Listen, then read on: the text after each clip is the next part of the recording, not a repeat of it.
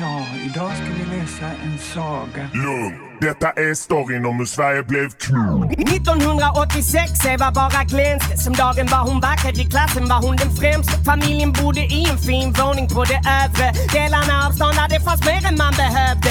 Rättvisa för Eva var någonting som var självklart. Värderingar hon vädrade i alla sorters sällskap. Hur som haver denna dagen skulle hon på bio. Hon och väninnan Anneli fick vara ute till tio.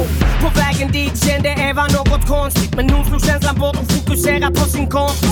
Filmen den var trist om någon galen regissör. Kvällen var iskall men i stan fanns ingen snö. På Sveavägen hem såg Eva när det hände. Trappan vid Tunnelgatan exploderade när det smällde. Smärtsamma minnen kan vara synnerligen tunga. För detta är storyn om hur Sverige blev